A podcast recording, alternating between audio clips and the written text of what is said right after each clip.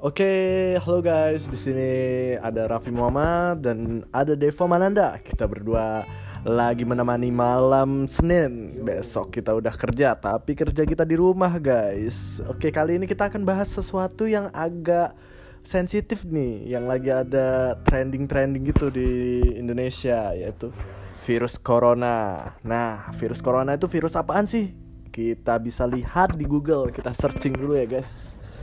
Oke, virus corona ini pertama kali ditularkan di Januari, tepatnya di Wuhan, Provinsi Hubei, Cina. Virus ini ditengarai uh, karena hewan. Hewan seperti apa? Oke, kita lihat di sini seperti kelelawar, hewan-hewan reptil dan sebagainya yang mengandung berbagai macam virus-virus yang tidak baik untuk dikonsumsi tepatnya.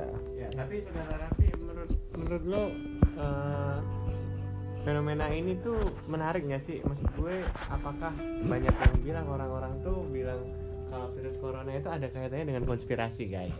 Nah ini menarik sih Dev menurut gue karena apa ya?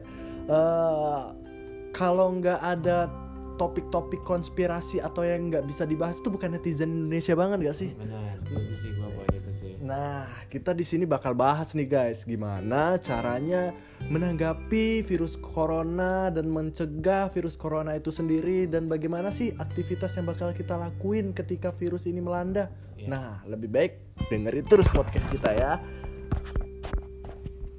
Stay tune.